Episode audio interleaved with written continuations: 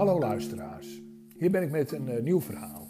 Vandaag wil ik het met jullie hebben over focus, over balans en over oefenen, oefenen, oefenen en de kracht van illusies. Ik heb op mijn verjaardag, uh, een paar weken terug, heb ik een slackline gekregen. En zo'n slackline is een, een smalle band van 4, 5 centimeter breed, die tussen twee bomen gespannen staat. En daar ga ik dan op lopen in de hoop dat ik het einde haal. Nou, ik ben zeer voortvarend ben ik ermee begonnen met oefenen. Ik heb al een fotootje heb ik gepost waar ik los sta. Nou, dat losstaan dat duurt ongeveer uh, eh, 1 à 2 seconden. Veel meer is het nog niet. En ik ben, iedere dag ben ik aan het uh, oefenen. En dat oefenen, dat is nodig om er straks ervoor te zorgen dat ik een metertje of twee eroverheen kan lopen. En wie weet volgend jaar. En wie weet volgend jaar misschien wel een stukje verder. Ik uh,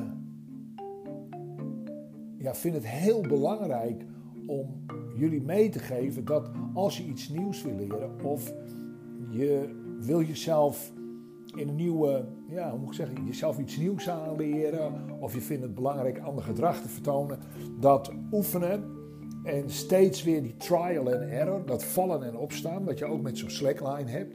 Dan ik stap op, de band begint te wiebelen en ik val eraf. Ik stap op, ik ga mijn evenwicht zoeken. Ik heb steun nodig. Iemand moet mij ondersteunen. Ik heb zelfs een oude maatstok van mijn vader van twee meter, waarmee hij de koeien mat. Die hou ik onder mijn hand, zodat ik beide armen gestrekt heb. En daar steun ik als het ware op. En ik heb mezelf nu al wijs gemaakt dat ik daar straks gewoon overheen ga lopen. Ik zag ook al op televisie zag mensen die probeerden dan over een ravijn heen te lopen. En in Utrecht zag ik mensen die over de gracht heen liepen. Uh, je wil niet weten hoe vaak de meesten er gewoon in uh, kletterden. Alleen het, het feit om dat te doen en die uitdaging aan te gaan, dat vind ik heel leuk. En ik merk ook dat ik daar een manier voor gevonden heb uh, die mij altijd enorm heeft uh, geholpen. Ik weet nog dat ik als klein jongetje, uh, toen kwam ik thuis en ik had mijn kleren verkeerd aan. Dus mijn moeder zegt, hey, hoe komt het, wat, is er met die kleren van jou, wat heb je gedaan? Nou, ik wou natuurlijk niks zeggen. En mijn vader, die, mijn height, moet ik eigenlijk zeggen, die kwam er ook bij. En zegt, ja jong, wat heeft dingen, heeft die kleren uitgehangen? Heb je je kleren uitgehaald? Ja, zeg ik. Nou, wat heb je dan gedaan? Ja, ik heb gezwommen. Gezwommen? Maar wat dat dan? Nou ja, zeg ik, in, in, uh, in de tochtsloot. Verderop. Nou, wij hadden, ik woonde, ben opgegroeid op het boerenland. We hadden absoluut geen zwembad in de buurt, maar we hadden wel de Zwetten, de Mantgemersloot en wat, wat tochtsloten. Nou, mijn moeder zegt, ja, maar je kunt nog helemaal niet zwemmen. Ik geloof dat ik acht jaar, zeven of acht jaar was. Ja, zeg ik, maar ik kan wel zwemmen hoor. Nou, dat moet heel eerlijk bekennen. Dat was niet helemaal waar. Want ik kon eigenlijk nog niet zwemmen. Maar ik had alle jongens met wie ik meeging, die hadden ook gevraagd, kun je wel zwemmen? Die had ik wijsgemaakt dat ik kon zwemmen. Want anders wilden ze niet dat je meeging. Maar omdat je daar net kon staan, tikte ik stiekem steeds even met mijn voet uh, de bodem aan. En dan gaf ik mezelf een zetje. En zo, en ik had gezien hoe ze die schoolslag, hoe ze dat deden. Hoe dat met die voeten moest, dat wist ik niet precies. Ik deed eigenlijk maar wat. Maar ik merkte wel dat ik me dan een zetje, dan kwam ik een eindje en dan deed ik weer. En dan zakte ik wel een klein beetje naar beneden. Maar zo redde ik me. Nou, en van die togsloot gingen we ook wel eens naar de Mantgemesloot. En er was één stuk was heel diep. Een ander stuk was ondiep. En daar ging ik er meestal overheen. Nou zegt uh, mijn Hyde, ja maar dat is wel gevaarlijk, want je kunt wel verdrinken. Uh, denk maar even aan je neefje George, die is ook verdronken. Uh, ja, dat, dat wist ik nog heel vaag, dat er heel veel verdriet om was geweest.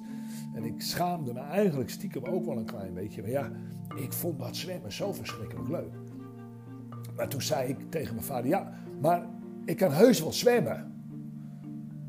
Nou, zei mijn vader, weet je wat ik doe? Dan ga ik wel even met je mee te zwemmen. En dan gaan wij wel eens even samen kijken of dat vertrouwd is. Nou, mijn moeder vond het helemaal niks. Die was in een soort paniek, want die vond het echt... Ja, die, die had zo'n traumatische ervaring meegemaakt. En ze kon zelf helemaal niet zwemmen. Dus die vond het ongelooflijk eng. En uh, ging met me mee. En toen waren we bij die man besloten. En ik ging natuurlijk op de plek waar ik altijd zwom, daar ging ik erin. En ik ging uh, heen en weer. En volgens mij had mijn vader wel door dat ik de boel een beetje liep te flessen. Maar ik had voor mezelf, uh, had ik eigenlijk in mijn fantasie, was ik al veel verder.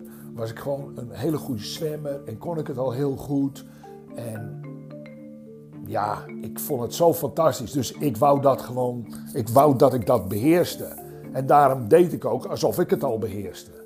Ja, mijn vader was natuurlijk niet helemaal voor de poes. Dus hij zegt, nou, kom eens even mee. Ja, maar, toen vroeg ik, maar wat, wil hij dan? Ik denk, ja, hij moet er niet achter zien te komen. Nou, hij zei, kom. Hij zei, het is hier wat dieper, hè? Uh, ja, dat weet ik niet, zei ik. Hij zegt, ik wil hier wil ik wel een zwemplank hebben, want dan kunnen jullie er straks induiken. Lijkt je dat leuk? Uh, ja, dat lijkt me wel leuk. Maar ondertussen denk ik, dacht ik wel zo van, oh, maar hij moet er nog maar niet achter komen dat ik stiekem nog wel een beetje smokkel. Nou, hij zegt, ik wil nou toch wel eens even kijken hoe goed je kunt zwemmen. Ik pak je vast en ik gooi je erin. Uh, ja, ik durfde niks te zeggen, dus ik liet me oppakken. En uh, mijn huid die slingerde met dat water in. En ik begin meteen als een hondje begin ik te klauwen in die halve schoolslag van mij. En ik ging even kopje onder. Toen gaf ik mezelf een setje. Want ik, de, nou, ik raakte de bodem aan. En ik trappelde en ik deed die schoolslag. En tot mijn verbijstering bleef ik drijven. Ik bleef gewoon drijven op het water. Dus een soort jubelgevoel kwam. Ik denk, ja, ik kan het. Ik kan zwemmen. Wow. En mijn vader zit te kijken. Eigenlijk zo van, nou, het lukt hem ook nog. Nou, en toen sprong mijn vader, die sprong erbij in. En hij zei, nou, dan zwemmen we naar de overkant. Nou, wij met z'n twee naar de overkant. Het ging dan niet zo geweldig. En toen gaf mijn vader een paar aanwijzingen wat ik met mijn benen moest doen. En vanaf dat moment durfde ik het diepe in. En dat ging best heel erg aardig iedere keer. En ik merkte dat het me steeds beter en beter en beter afging. En ik zwom iedere dag. Als ik maar even de tijd had, en heel vaak mocht het niet, want dan was te koud, dan was dit. En dan, uh, ja, jongens dat we waren, ik bedoel, ja, dan maar geen zwembroek aan en dan er zo in. Dus dat maakte ons niet zoveel uit. Het, het, het enige was dat we dan nog wel eens betrapt werden en dan ging er een telefoontje richting onze ouders.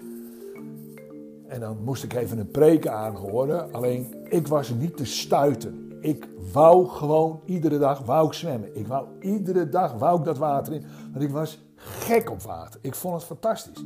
En daardoor werden mijn vaardigheden werden natuurlijk ook steeds beter. En dan kom ik even terug op die slackline. Kijk, wat mij altijd geholpen heeft, is doordat ik een focus maakte en ik maak heel vaak gebruik van, dan verbeeld ik me eigenlijk al dat ik het al kan. En heel vaak zeg ik dat dan ook al tegen mensen. Nou, dat, dat ga ik wel doen, dat lukt me wel. Of dat kan ik wel. Alleen, wat voor mij heel belangrijk is, ik wil dan ook leveren. Ik wil dan ook dat ik mijn belofte gestand doe. Dus ik wil niet zomaar wat roepen. Zo van opscheppen zeggen dat ik het kan en vervolgens zien mensen dat en dan lijkt het nergens naar.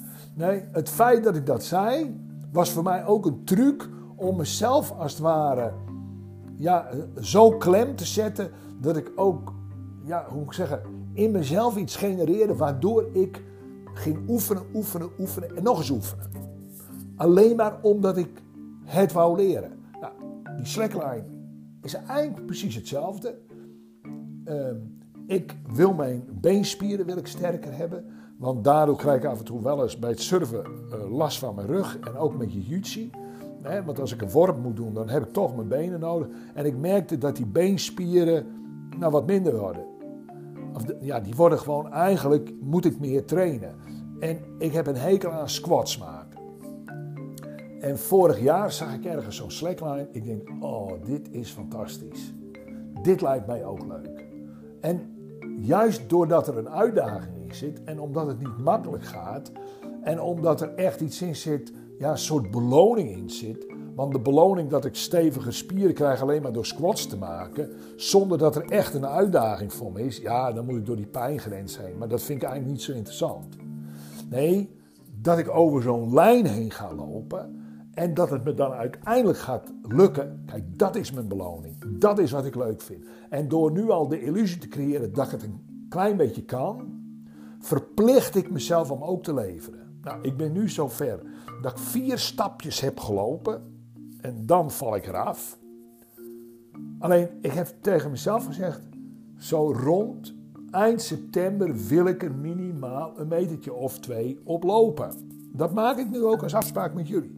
En volgend jaar, rond deze tijd, loop ik al heen en weer. En door mezelf eigenlijk dat soort dingen op te leggen, en dan gebeurt het best ook wel eens dat het mislukt, dat het me niet lukt. Maar meestal ben ik nou wel een heel eind al onderweg.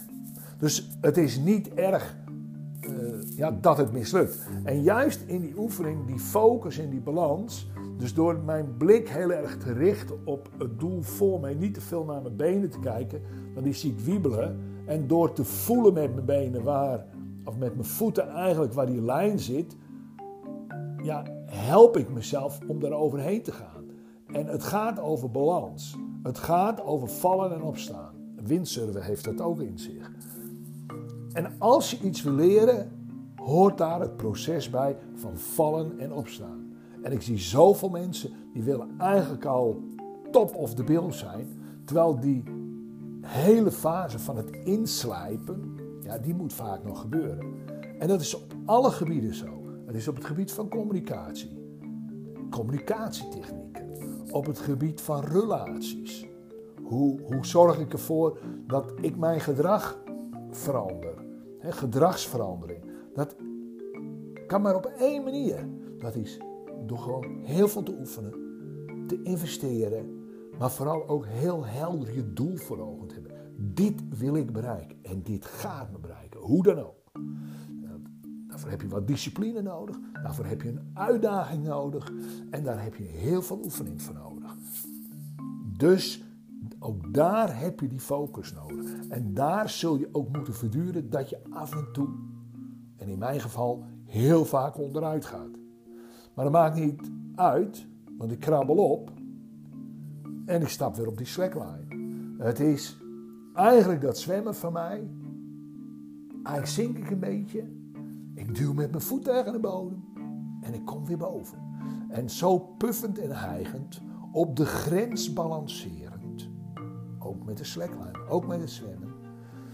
Daar waar het spannend is, daar waar de uitdaging groot is, daar presteer ik in elk geval het beste. En ik gun iedereen dat hij ook bij zichzelf uit gaat vogelen. Wat motiveert mij nou het meest? Hoe zet ik mijzelf nou het meest effectief in beweging? Laat het me weten. Reacties zijn van harte welkom. En heb je vragen, of als je denkt van hé, hey, dat vind ik een interessant thema. Of Albert, daar loop ik tegenaan. Stel vragen, dan ga ik er met heel veel plezier de volgende keer op in. Hey, uh, verder een uh, hele fijne dag. En uh, ik hoor graag van je.